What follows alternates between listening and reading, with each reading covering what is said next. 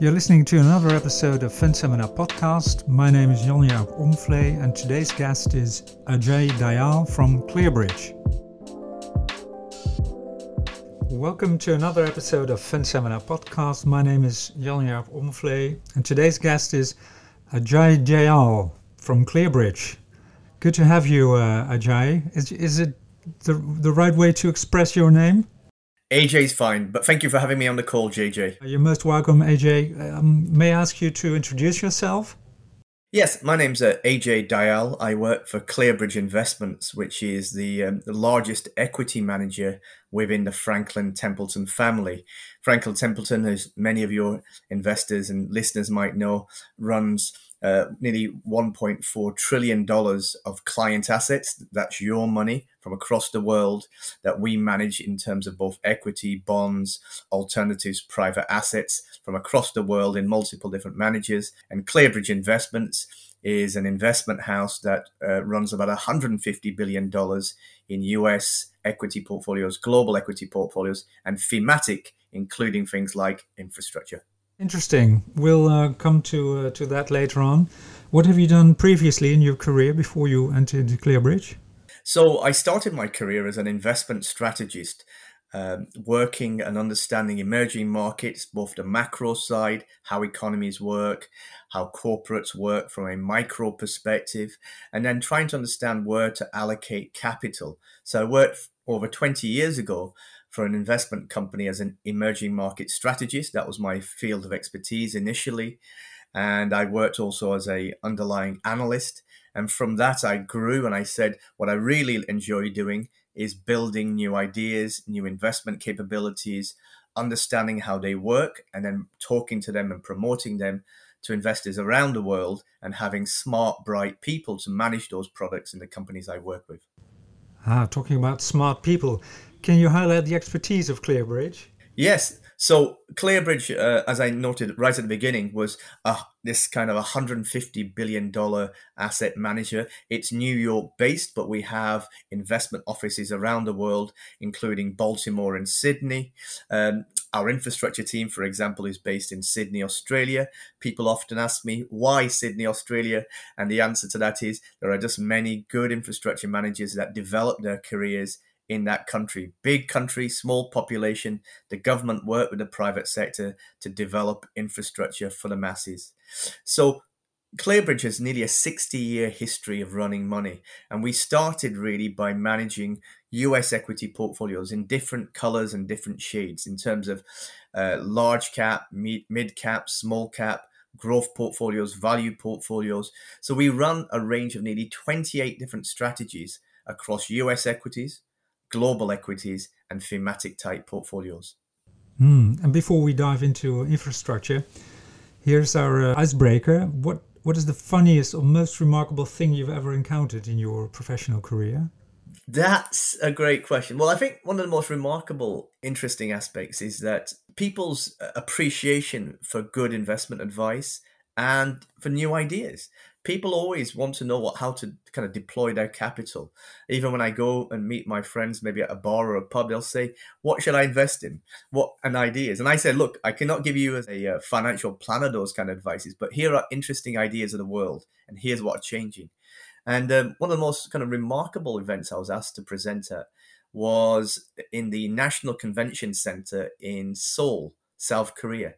1,000 people turned up uh, on a uh, Wednesday evening to listen to myself and one other speaker talk about the changing world and things that you can invest in.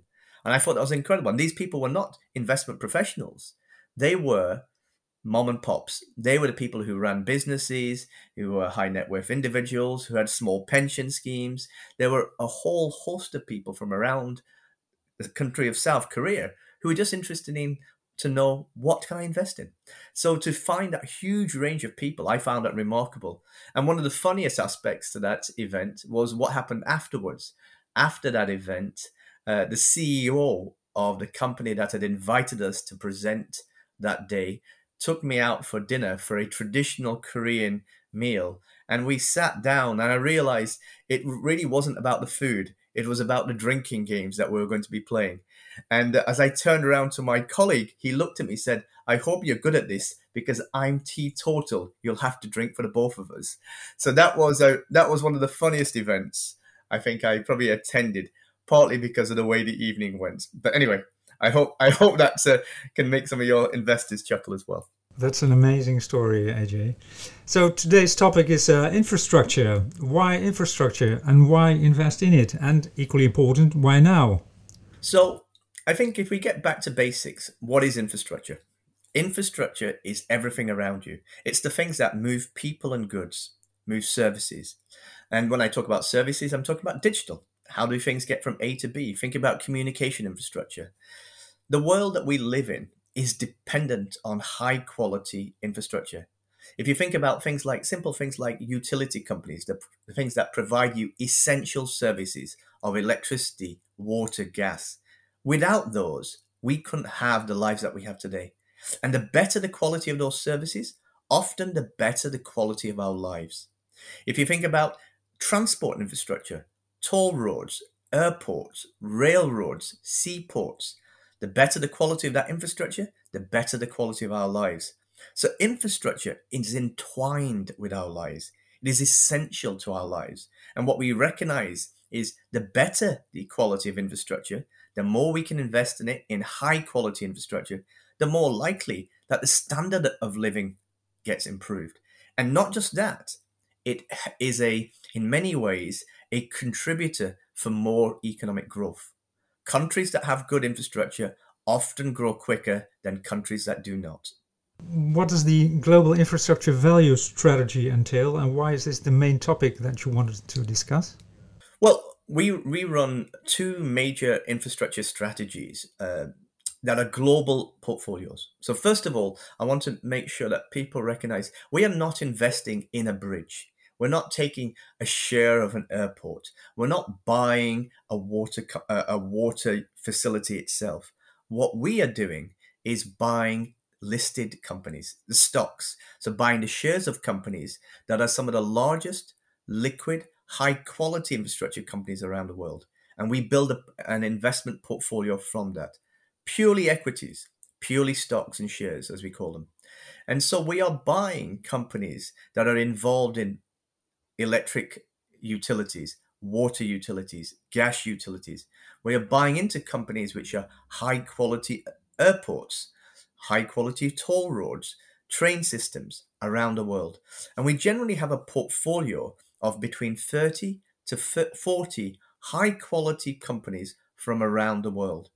The portfolio you just mentioned, the FTGF Clearbridge Infrastructure Value Fund, is a global equity portfolio that is purely dedicated to invest in high quality infrastructure companies around the world.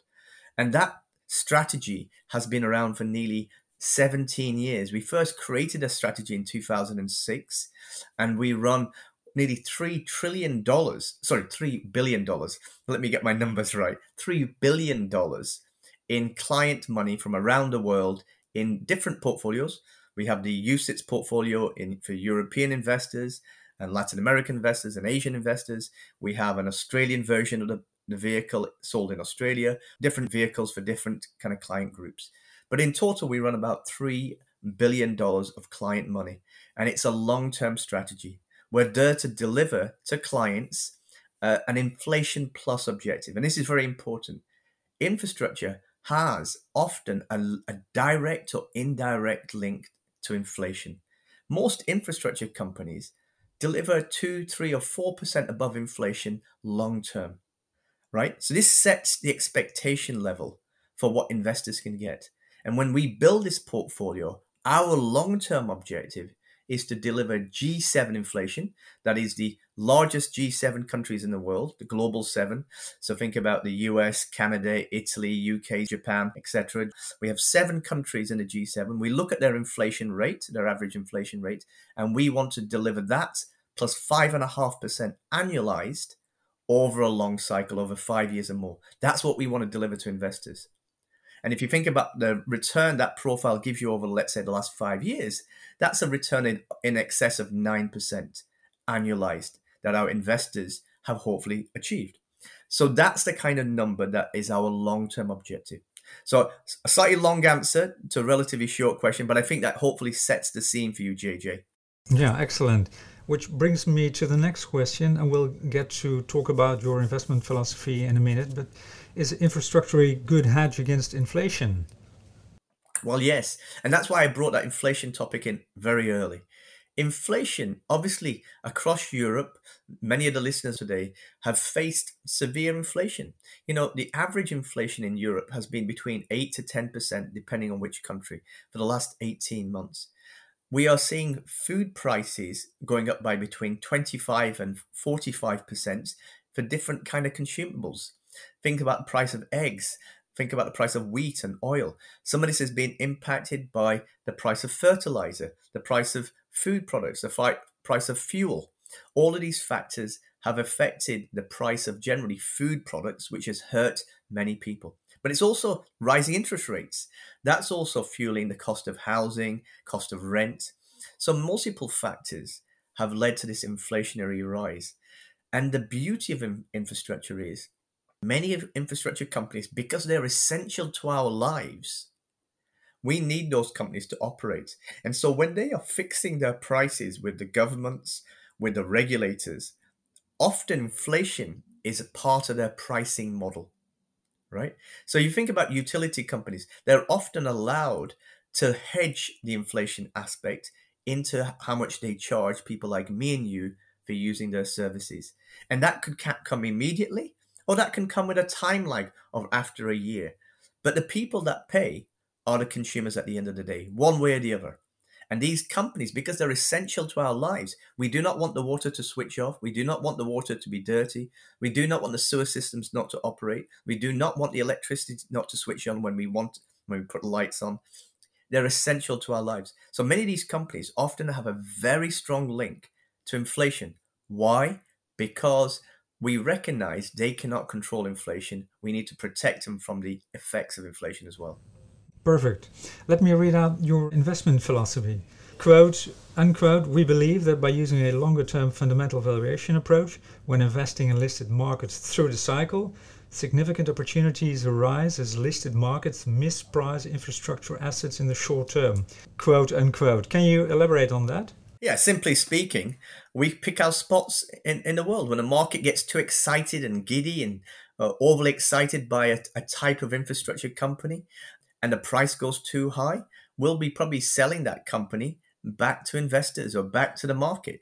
When people get too pessimistic about things, maybe about the expectations of, let's say, utility companies, because interest rates are rising, their cost of finance is rising, and they become a bit more pessimistic about the strength and the value and the importance of utility companies, and their price falls beyond what we consider their true intrinsic or fundamental value. That's when we step in. So the market creates opportunities. When the market gets too excited, we're happy to sell some of our companies back to the market because we think these are elevated prices. When the market gets too pessimistic about companies and we believe they're becoming, you know, the price is less than what these companies are truly worth, we will allocate capital and buy companies that we think have got long term futures and are dependable. And by the way, we're talking about the world of infrastructure here. These are long term companies. For example, if you're building a toll road, the toll road company runs that toll road for 30, 40, 50 years, if not longer. These are long term assets. So let's give the example of um, during the first part of the COVID crisis in February, March 2020. What happened?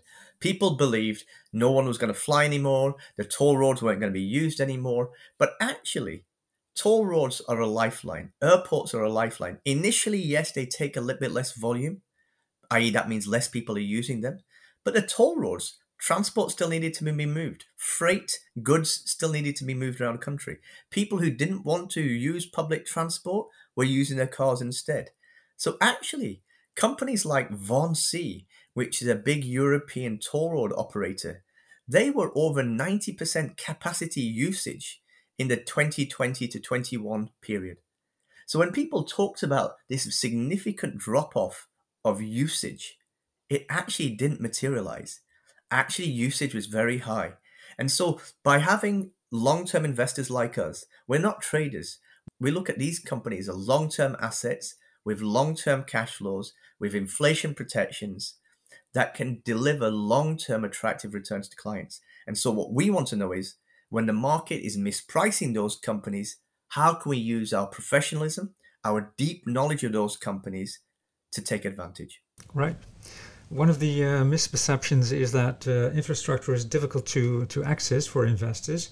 How can investors access this uh, particular asset class? Well, there's there's multiple ways. First of all, I mean, you know, there are high quality infrastructure companies in Europe. We're very fortunate. We have very good regulation across Europe, from the UK to you know to, to Spain to the Netherlands to France to Germany. We have incredibly good regulation around utility companies and infrastructure companies like airports and seaports and railroads. And so we have high class assets with long duration, which means they have assets that are going to last for many, many years and they're going to earn a return off them for many, many years. So, investors, the, the first option is saying, you know, the easiest option I would say is buying a collective vehicle, an investment trust, uh, a UCITS fund, a collective. Why? Because you're paying for the expertise of somebody who knows that specialism very well, can understand when the market is getting maybe too excited or too pessimistic, building a more um, balanced or diversified portfolio across different sectors, utility companies, transport infrastructure, communication infrastructure, so that you get a much more balanced portfolio and a balancing of risks. I would say a good collective fund gives you a really nice access into the growing world of infrastructure. And JJ, we haven't even talked about some of the main thematics, which I'm sure we'll do in a few minutes. The other way to do it is through an ETF. Now, ETFs can also give you low cost exposure. Again, they're diversified. They follow an infrastructure index. They can do so at usually relatively low cost, a little bit cheaper than some of the collective funds. But here's where I feel some of the indices, you know, they are based on the size of those companies. So the biggest companies in the infrastructure world often have the highest and largest positions in those indices. That's how these indices generally work. And so if a company is getting, to a certain extent, is getting a lot of eyes looking at it, and the, the market's getting very excited about that stock, that stock grows in size, becomes a bigger part of the index, which means more capital is allocated to it if you're an ETF because your weights are linked to the weights of the index. Personally, I would say that's you want to say you want diversification away from that. Some of those stocks which are getting higher in price may not be the companies that you want to really own in those large positions. They may be the ones you should be selling back to the market and investing to other good businesses which have the eyes of the world are not looking at them. So I would say indices they have a function. They give you a nice level of diversification, but I don't think one, they always give you that risk protection. And secondly, I think they don't always cover the market as well as you think because they often link to the largest uh, liquid companies in the world. They sometimes miss areas which are developing fields. Many of the indices, for example, did not include renewable stocks for very many years. So we were way ahead of that by being a professional, dedicated, seasoned manager by investing in renewable infrastructure companies. Think about wind farm operators, solar farm operators based in utility companies. We were investing in those companies way before the indices were and picking up those opportunities. Mm. And how about um, investing in direct investments? That is always an option the thing is, look, infrastructure companies do go sometimes through periods where they're less interesting and they may be away from the eye of uh, of the investor. They may have an individual issue. So if you think about the case of uh, Atlantia, now what was Atlantia? Atlantia? Atlantia is a toll road operator predominantly in Italy and Spain. Sadly, a few years ago, there was a bridge that they effectively operated they didn't own the bridge; they operated a bridge using a uh, a toll road system. That bridge collapsed. So, you know that is a singular risk that you take on. That company still exists to a certain extent, but the volatility of that price reflected the emotions of the market. And so rather than having direct exposure, I think having a balanced exposure of, of infrastructure companies is very much more attractive. Thank you. Which brings us to the last questions is how should investors fit infrastructure in their portfolio? So I think infrastructure is a long-term allocation by investors. Number 1, right? This is investing infrastructure if you can achieve if based on historical numbers 8 9 10% annualized returns some years a bit less some years a bit more but long term if you can achieve those kind of returns right investors in my mind have been very happy. Even in periods of 5 6% returns investors are happy if they know they've got diversification. Now the beauty of infrastructure is that it's a growing area. This is not a fad. This is not a fashion. You think about the biggest thematics that are driving the world today. Decarbonization. We all want to green the economy. We all want to transition the world from being carbon heavy to carbon light to carbon neutral, right? That takes time. That takes time. And so that drive and that purpose is a long term story. So that means a huge amount of investment. To get to a decarbonized world by 2050, 2060, the world needs to spend nearly $3 trillion. And I do mean trillion this time $3 trillion per year for the next 20 to 30 years to make that a likelihood. And by the way, that means governments cannot afford to do it themselves. They will need private capital. They will need the money of investors who are listening to this call today. And that means it's a long term asset class, building new wind farm facilities, solar farms, hydrogen plants, more nuclear facilities in the countries that accept them. This is going to be an incredible renaissance for infrastructure a huge 20, 30 year build out. Not that these are investments that not just you'll be investing in, but your children and potentially your grandchildren will be investing in because we need it. It's essential. And so I think the story of decarbonization is extremely important. But people often think about de- uh, the theme as only being about gl- green energy, clean energy, about how do you produce it. You also have to transmit that energy. And that's about electrification. That's about the grid network. And the grid network that we use today isn't capable of effectively transporting more and more electricity. We need to reinforce the existing grid networks around the world. That's why companies around the world that operate the wires, the poles, the pipes, the interconnectors, the overhead power lines are all spending billions of euros to improve the transmission of electricity. If you want to drive electric vehicles, that's great. If you want to drive an electric train, that's great. Hopefully, you're in the train, not driving it. But hey, you need to be in control and you need that electricity supply. That doesn't just happen, that has to be created and then it has to be transmitted. And so it's a story of not just decarbonization, but electrification. And the world's going to be doing more of that. And that's just one story that's going to drive this asset class. And so when I think about when I talk to clients, and these could be clients who are running multi-billion dollar pension schemes or people who are literally with a hundred thousand euros, they're meeting me with their financial advisors around the world. The advice is pretty much the same.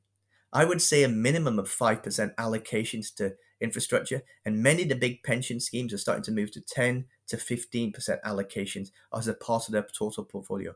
You're investing in the world today the growing world. And this is an asset class that's growing. It's dependable. It's steady. It is a what I call steady eddy. You know, it's not there to shoot the lights out. It's there to make long-term money slowly. Excellent. So infrastructure is a, an asset class of many stories, growing, steady, and here to stay. Thank you very much for your time and for your insights, Ajay. It's been great talking to you. Thank you all for listening to another episode of Fund Seminar Podcast. Thank you, JJ, and thanks to everyone on this call. Thank you, Ajay. See you next time. You've been listening to another episode of Fund Seminar Podcast. My name is Jan Jaap Omvlee, and today's guest was Ajay Dayal from Clearbridge. This Fund Seminar Podcast is brought to you by Cognito Amsterdam.